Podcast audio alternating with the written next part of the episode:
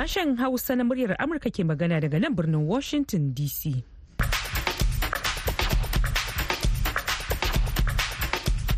Masu sauraro barkanku da daren wannan rana da fatan an wuni lafiya. Yanzu ma Aisha Mu'azu ce tare da Ibrahim Ka'almasi Garba da sauran abokan aiki muke farin cikin sake kasancewa tare da ku a daidai wannan lokaci cikin shirinmu na dare yau talata 16 ga watan Janairu na shekarar 2024. Bayan labaran duniya za a ji yadda bunƙasar ilimi ya kawo sauƙi wajen maganin cizon macizai. Muna da ƙarin bayani a cikin shirin. Sannan a ci gaba da wato albarkacin cika shekaru 45 da fara watsa shirye-shiryen muryar amurka za ku ji abin da wasu 'yan najeriya suke cewa a game da shirye-shiryen da suka fi ɗaukan hankalinsu. Kamar kowace ranar talata a wannan lokaci muna tafa da rahoto na musamman da wakilin muryar amurka mustapha nasiru batsari ya haɗa mana akan yadda masu ruwa da tsaki a arewacin najeriya suke ci gaba da tattauna hanyoyin da za su shawo kan matsalolin tsaron da suka yi wa yankin arewacin ƙasar katutu. Sai kuma labaran wasanni daga nijar amma fa duk waɗannan sai bayan an sha labaran duniya.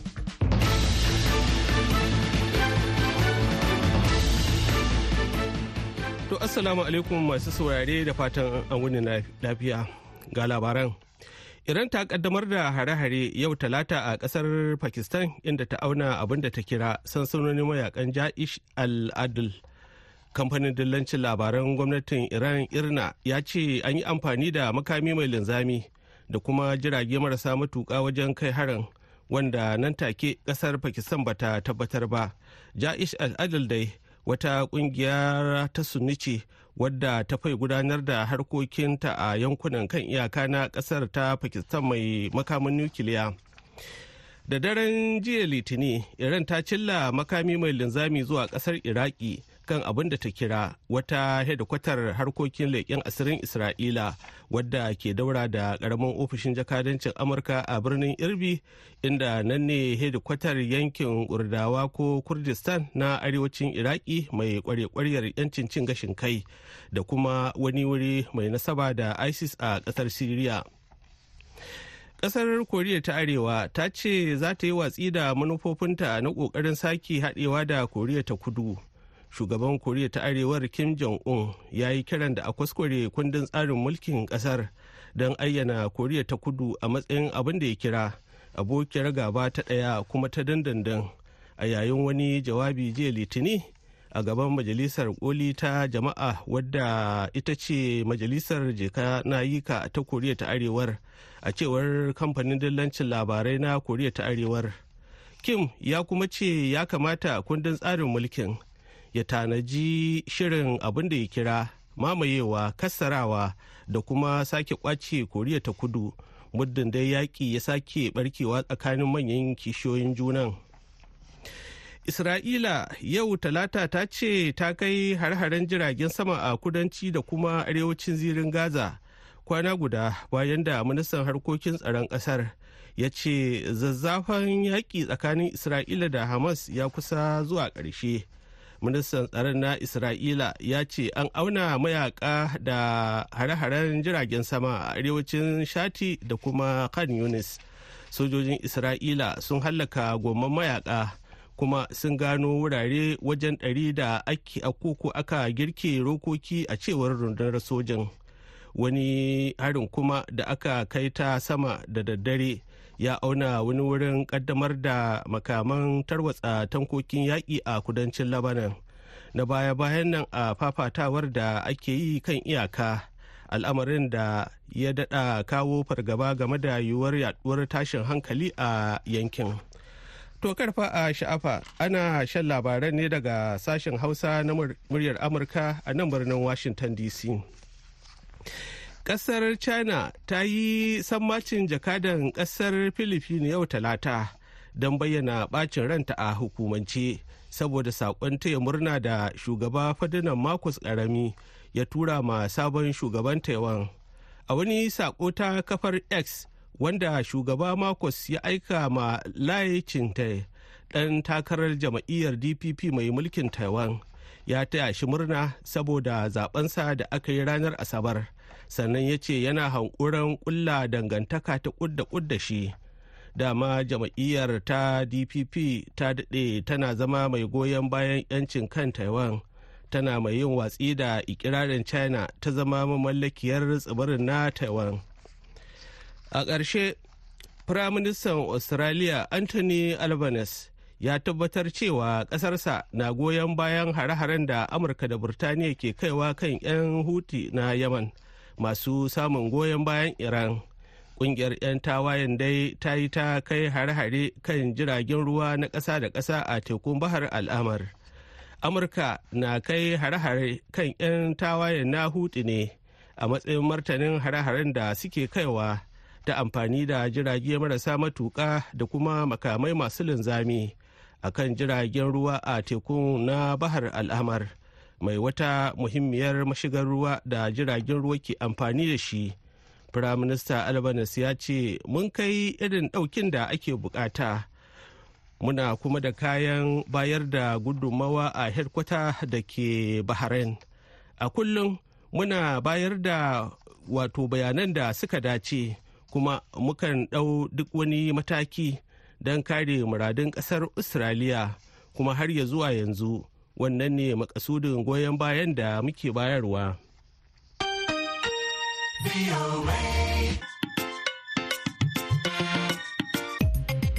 A gaida Ibrahim ka almasi garba da ya karanto mana labaran duniya daga nan sashen Hausa na muryar Amurka a birnin Washington DC.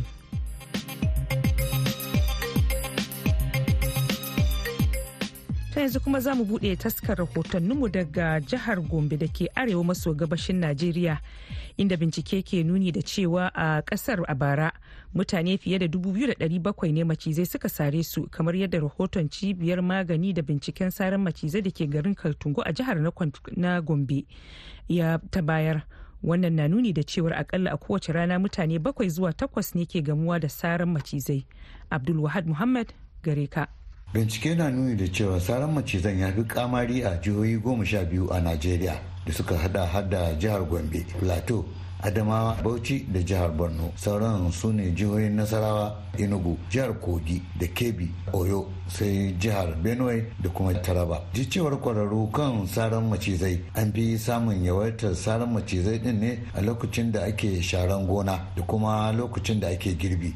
Dr nicholas amani hamman shine shugaban asibitin ba da magani kuma binciken cizon macizai ya ba da jadawalin saran macizai a shekarar da ya gabata. Kamar shekarar da ya wuce fiye da 2,700 aka gani a cikin wannan asibiti ne. Sashe na kimiyya za ka ce a rana ana samun mutane bakwai zuwa takwas da harbin maciji din. Sannan zai baka mamaki ka sani akan cewa a cikin kwarewa da wannan asibiti ta yi a cikin mutane dubu biyu da dari bakwai da casa'in da wani abu da aka gansu shekaran da ya wuce mutane talatin ne kawai suka rasu. Alama ce akan cewa wanda suke mutuwan babu yawa in an danganta su da wanda suke zuwa asibiti. Sannan yawanci wayannan kuma wanda suka zo da litti na kuma tambaye dr nicholas ammani ko me zai ce ga masu son yin amfani da magungunan gargajiya wajen yin maganin dabin maciji. Kwanakin baya akwai waɗansu da biyu wanda suka yi maganin maciji wanda aka kwantar da su a asibitin nan. Ɗaya ya rasu ɗaya da taimakon allah ya samu sauƙi harka na ta harbin maciji harka ne da dafi ba harka ne na subbu ko wani abu ba. Abu ne wanda is clear an harbe ka ne maciji ya saki sinadari ya shiga jikinka ya je ya maka barna me ake buƙata? Ana bukatan abun da zai tare wancan sinadarin ne. Ba abun da za a shafa ko abun da za a sha ba. Muna ganewa? To a saboda haka mukan ba da shawara idan maciji ya harbe ka ka garsaya ka zo asibiti da wuri-wuri. Sannan mukan so mutum kare ɗaure wuri din. A da lokacin ko ni ma ina tunanin cewa maciji ya harbe ka sai ka ɗaure wuri din. Amma harka na ilimi ya buɗe mu ido kuma mun ga very clearly akan cewa idan ka ɗaure wurin nan ya fi yawa. Na leƙa cikin ɗakin mutanen da macizai suka sare su da suke kwance asibitin don samun magani ga abin da suke gami. sunana umar ahmad daga taraba. Na taka shi ban san lokacin da na taka shi ba. Kawai da kai shi ne kawai sanar na ankara kawai. Lallai a ban gida ne. Ya kake ji yanzu? Eh gaskiya ina samun kulawa daidai da ya caje buƙata. Da za a dube ka safiya dare rana godiya na ina jingina wa gwamna. Ino ya haya da kuma mai martaba sarkin kaltingo. Sunana dai shefu shagari daga bauchi. Allah wannan mashigi dai zuma muke sha ya same ni. Gaskiya mun samu tallafi sosai daga asibiti ka to daga bisani ne kuma dr. Habu dahiru kwamishinar ayyukan lafiya a jihar gombe. Ya yi bayani a hukumance kan batun. Muna so mu invite more partners kuma mu engaging universities a Nigeria. kamar yanzu biyu ke suna zuwa mana research daman irin yaran da suke yin masters phd a environmentology suna zuwa su samu data su tafi. Haka kuma a biyu zaria haka kuma to yanzu gombe state university. The fact that muna da pharmacy department. Ko kwanan bayan nan ma na i went to the minister of health. A hama ya ba mu dan anti-snake venom din kadan. Sannan north east development commission su ma suka ba mu. Kuma kasancewar wannan center din is not caring for only gombe state. To north east and the irin har daga chad har daga cameroon duk ana kawo cases. Kwamishinan ayyukan lafiya dr habu dahiru kenan da bayani game da shirin inganta matsayin asibitin magani da kuma bincike kan macizai da ke garin kaltungo. Abdulwahab muhammad muna amurka daga Bauchi a Najeriya. A gaida Abdulwahab Muhammad. To albarkacin murnar cika shekaru 45 da fara yada shirye-shiryen muryar Amurka ga abin da wasu masu saurare ke cewa a game da shirye-shiryen da suka fi ɗaukan hankalinsu.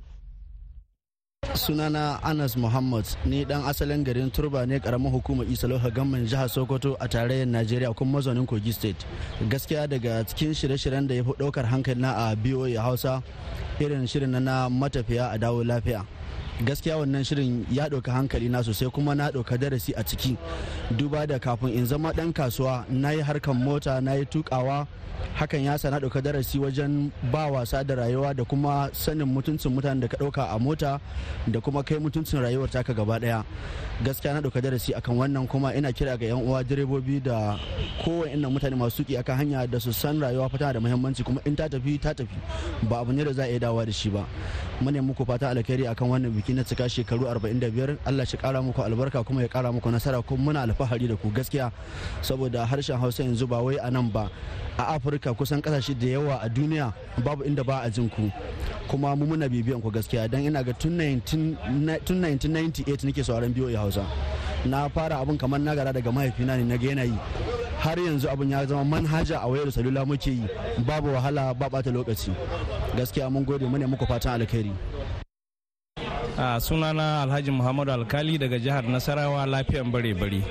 Ni ina sauran la shirye-shirye na biyu sama da shekara 35 yanzu. Kuma bisa kan tarihi abubuwan da nake ji a biyu a voice of america yana ilimantar da ni kuma yana fahimtar da ni kan cewa hanya kaza da lura kaza ke faruwa gu kaza kuma wannan abun ya taimake ni sosai. Ya taimake mutane sosai kuma mutane muke tare da su duk ya taimake kowa da kowa. Musamman wani shiri ne kake ganin kama yake baka sha'awa a voa tun daga lokacin da ka fara sauraro har yanzu? Shirin babban shirin da nake ji a wannan lokacin shine wannan shirin na 'yan kasuwa. Saboda ni kasuwa kai mata dole. Saboda kasuwa ta haife ni. Kakana ya sarkin kasuwa babana ya sarkin kasuwa ni kuma yau na sarkin kasuwa. Wannan shirin shi nake bi. Kasuwa kai muke dole. Sa'annan kuma sai akwai wani shiri wanda ake yi don ra'ayi ko a ce tsakanin wasa tsakanin bare-bari da fulani tsakanin katsinawa da nufawa. Yauwa wayan abubuwan duk na jin su. Sunana gambo muhammad adam daga jos. Ina kuma cikin garin jos da zama. Ina sauraron boa hausa musamman sashin hausa tsawon shekara 32 cikin shirye-shirye da boa take gudanarwa in ke jin daɗi musamman irin taɓa kiɗi karatu musamman ɓangaren kasuwanci. To wannan abubuwa guda biyu suna birge ni. Da wani tasiri ya yi a rayuwanka? Gaskiya boa hausa ya yi tasiri a rayuwana musamman banda yanzu ma da aka shiga shiri na waya musamman da ba na iya barin gida sai na tsaya ƙarfe shida ta yi na buɗe boa sashen hausa na ji labarai saboda ni ban yi karatu mai zurfi ba a ɓangaren boko amma boa hausa na samu karuwa musamman al'amarin cuɗayya na zaman duniya. Ko iya haka aka tsaya na samu iya zama da jama'a kala daban-daban masu addinai daban-daban da yarurruka daban-daban. Dalilin biyoyi Assalamu alaikum sunana Dareta Buba mai leda da ke cikin sabuwar kasuwar lafiyan bare-bare. A Dubai na ƙungiyar murya nasara ta jihar Nasarawa mai haɗin kai al'umma ɗaya. A gaskiya na kai shekara 20 ina sauraron BOA Hausa. A gaskiya shirye-shiryen da nake sauraro a BOA Hausa masu muhimmanci musamman akwai shirin a bari ya huce yake kawo rabon wani wanda lokacin Halima Jibril suke sauraro kafin ma kai ga yanzu wanda ko da yaushe ranar da za a yi wannan shirin in ba na samu na saurare shi ba na jin daɗi ba. Haka yake akwai shirin na kiwon lafiya wanda dr. Ladam yake jagoranta a wannan lokacin.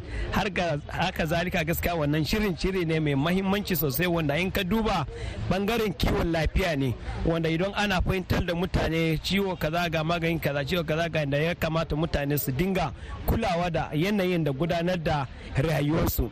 To kaga shiri a bari ya fuce nan shiri ne wanda musamman ko mai hawan jini yake sararon wannan shirin zaka gani insha Allah hawan jini sa ya sauko kasa saboda shiri ne mai mahimmanci wanda yake kunci da barkwancin haka a dinga yi ana dariya. To a gaskiya boa hausa gaskiya wannan gidan rediyon babu da za mu ce sai mu ce allah ya saka mishi da alkhairi. Domin ɓangaren rediyo ni babu da ce san ce alhamdulillah. Domin yadda nake ƙungiyar muryar nasara ƙungiya ce wanda ta kafa ƙarƙashin gwamnatin jihar nasarawa ta ɓangaren gidajen rediyo. Wanda muke zuwa arewacin najeriya nan ba state din da ba ma zuwa mu yi taro da yan majalisun gwamnoni kuma ta ɓangaren rediyo.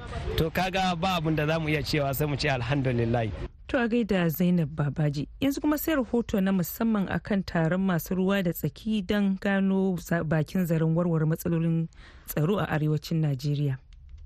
Masu ruwa da tsaki akan sha'anin tsaro na ci gaba da tattaunawa wajen shawo kan matsalar rashin tsaron da ya shafi sassa daban-daban na yankin arewacin Najeriya.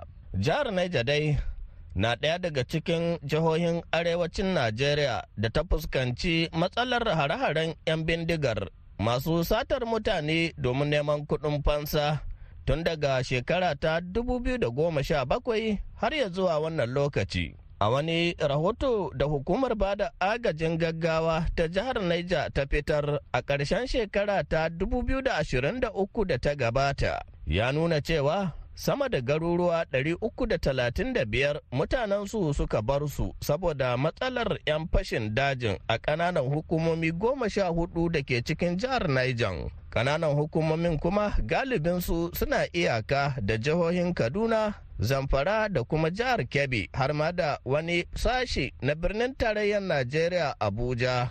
Ko da yake dai ya zuwa hada wannan rahoto, bayanan da muryar Amurka ta tattaro ya nuna cewa an samu sauƙin kai waɗannan hare-haren 'yan fashin daji a waɗannan ƙananan hukumomi.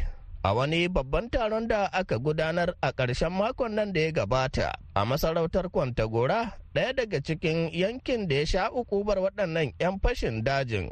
mahalarta taron dai sun tattauna sahihan hanyoyin da za a bi da za su taimaka wajen ƙara shawo kan matsalar rashin tsaron da ta'addabi al'umma. Honorable Abbas Kasuwar Garba shine shugaban karamar hukumar Mariga ya yi bayanin yadda waɗannan 'yan ta'addan dajin suka riƙa tarwatsa garuruwa a karamar hukumar tashi.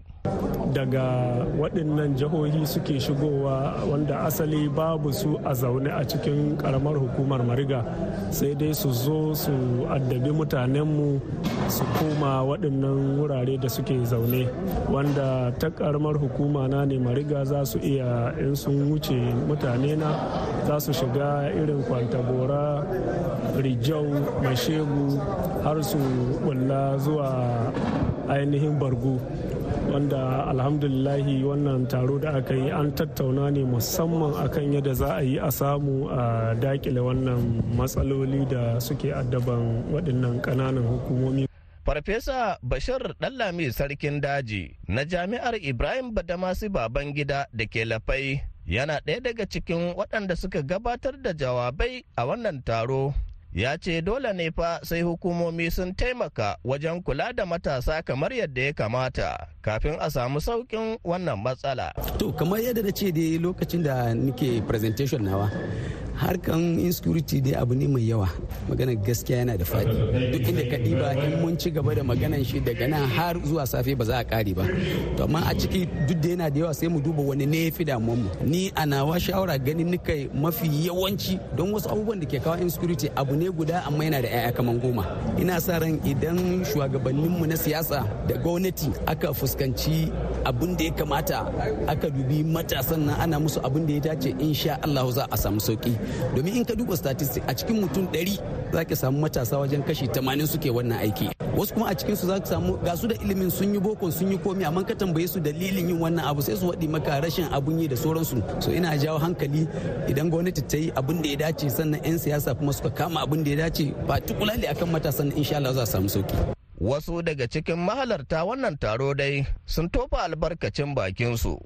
Malam Aliyu Muhammad sunana ke shugaba Zonsi Progressive Forum. To abin da ya jawo hankalinmu a gaskiya shine yanayin yadda abin na ishu na rashin tsaro ke ta ɗaukan kullum yana ɗaukan wani sabon salo da kuma ƙoƙarin da gwamnatoci suke yi da kuma al'umma sai muga cewa to tunda ana da wani zarge-zarge wasu na ganin yanzu ma da ake zargin hilani ba hilani kawai ba ne yanzu da ake zargin bakin haure ba su ba ne yanzu maganar rashin tsaron har ya zama da cikinmu. Yan uwanmu da muke zaune. Saboda me? Ya zama sana'a business. To shine muka ce abin da za mu yi shine a samu holistic approach. Domin me? Mu kwanmu da kwarkwatan mu zo mu zauna mu tattauna mu ga me mahita. Yawanci masu wannan ababe din asun sai sun shaye-shaye. To a daƙile halin da ake shigo da wannan ababe din magan abin da ƙwayoyin nan shi ke kara latar da mutane da yara. Sannan kuma aiki shi ma da muhimmanci. A tabbatar da aiki ba an ce dole sai mutum ya aikin gwamnati ba. Amma gwamnati ta tabbatar da an samu wani wuri yadda za a jawo mutane samu abin yi samu su zama da zaman kansu suna aiki ba tare sun je aikin gwamnati ba. Wannan ma haƙƙi ne na gwamnati ta yi wani abubuwa don me? Ta jawo hanyoyin da masana'antu za su zo a samu wurare daban-daban suna yi. Shin ma kamar jihar ne ba ko aikin noma kina ganin in dai aka sa yara ko da mutum yana digiri ne in ya sa abin da noma yake haihuwa in za a shi da ya kamata aka ba su abin tallafi da ya kamata kuma aka sa ido. Na tabbatar da zuwa gaba za ga duk wannan su za zo masu kuɗi masu arziki. Duk abin da ke harke ko a ƙasashen waje da suka ci gaba. sunana isa alhaji dauda shagunu. Yau yawan local government da muke da su sun zama affected musamman mashagu mariga. Wushi ma ba a bata baya ba haka ma bargu kamar in ka diba mashagu wurare kamar kiji gwaji fage mule citeku ibi mazakuka anguwan zabarmawa sahon rami matani dutsen magaji tungan magaji ragada da sauransu. Har yanzu wasu daga cikinsu ba su dawo ba su dawo tungagen su ba. Wurare sun zama kango. Haka mariga. A yanzu dai rahotanni sun tabbatar da cewa kashi biyu daga cikin uku na yawan mutane kimanin dubu goma sha takwas da 'yan bindigar suka tarwatsa sun koma garuruwansu. To amma mai martaba sarkin Sudan na kwantagora Alhaji Muhammadu Barau Ma'azu na biyu a wani jawabi da ya gabatar a lokacin taron 'yan kabilar Dukkawa na ƙarshen shekara a garin Rijau ya ce har ya zuwa wannan lokaci yankin yana baya a kan lamarin tsaron.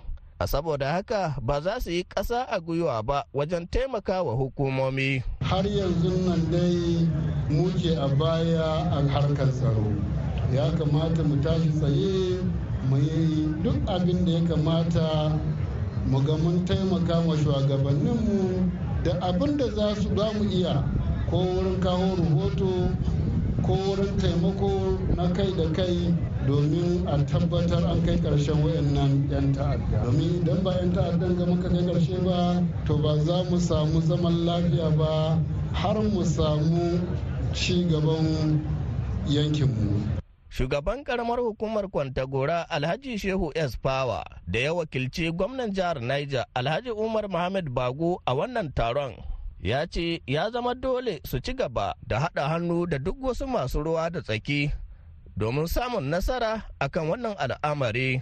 Ba wani shugaba da zai zo ba don ya yi gyara ba. Kuma ita kamar yadda kowa ke faɗa haka yake ba wata gwamnati za ta iya ɗaukan aiki ta ba kowane. A irin wannan dai taro idan kowane gunduma za su riƙe al'ummar su su dubi abin da ya dame su. Ita gwamnati shirye take ta shigo da abin da ya dace domin ta samu sauƙi wanda za ta shigo ta ci na al'umma. Ba wani abin da muke takama da shi irin hili. Allah ya albarkace mu da hilin noma kuma da albarkatun noma ta daban-daban. Wanda yake kuma kasan mu tana da albarka da yawa. Wanda yake kuma alhamdulillah mai girma gona ya koma gona manomi. Wanda yake kuma wannan slogan nashi ya nuna kowa ya koma yi noma. To kuma insha Allah muna nan muna bakin ƙoƙarin mu. Wani ba noman ya saba ba amma ganin noman da mai girma gona karan kan kira kan shi manomi ya sa akwai lahiri cikin sa kuma akwai shirye-shirye da aka yi na musamman wanda yake kuma gwamnati za ta gabata da shi nan ba da dadewa kuma za a amfani da mu ƙananan hukumomi ne kuma muna nan muna wannan shirye-shiryen. Matsalar rashin tsaron dai ya yi matuƙar kawo kuma baya sosai ta fuskar samar da abinci a sakamakon yadda waɗannan 'yan fashin dajin suka hana mutanen karkara yin noma kamar yadda ya kamata. Mustapha nasiru batsari murya amurka daga mina a najeriya.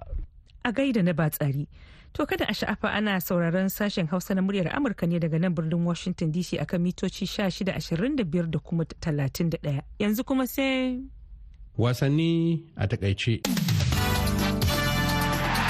Za mu so mu labarin wasanninmu na ranar yau da wasannin ƙwallon kafa na african cup nation 2023 da ke wakana yanzu haka ƙasar ivory coast ko cote d'ivoire. A dazu dazun nan burkina faso ta lailaye mauritania da ci ɗaya mai ban haushi. Haka an buga tsakanin tunisia da namibia. A daidai wannan lokacin ana ca ana kara tsakanin ƙasar mali da afirka ta kudu. Duk dai a wasannin na ƙwallon kafa a yau ne ƙungiyar ƙwallon kafa ta ƙasar italiya as roma ta ba da sanarwar korar jose mourinho daga mukamin kocin wannan ƙungiyar saboda kasa kawo sakamako kyaukyawa a kakar bana ta seri a ta ƙwallon kafa ta wannan shekara. As roma bata bata lokaci ba wajen sanar da sunan wanda zai canji the number one. Kuma tsohon dan ƙungiyar ƙwallon kafar na as roma din ne da rossi. Jose mourinho ya share shekaru uku a as roma ta ƙasar italiya inda ya lashe kofin uefa conference tare da ƙungiyar abin da ya kai jose mourinho a matsayin na ɗaya ɗaya tilo a duniya kocin ƙwallon kafa da lashe ko wani kofin ƙwallon kafa na club club na ƙasashen turai. A bikin hukumar ƙwallon kafa ta duniya fifa the best a birnin london na wannan shekara ta bana da ke karrama 'yan wasan ƙwallon kafa na shekarar da ta gabata da yawa kana a daren jiya. Ya karrama lionel messi a matsayin mafi cincinta gaban erding alan da kilian mbappe. Bangaren mata kuwa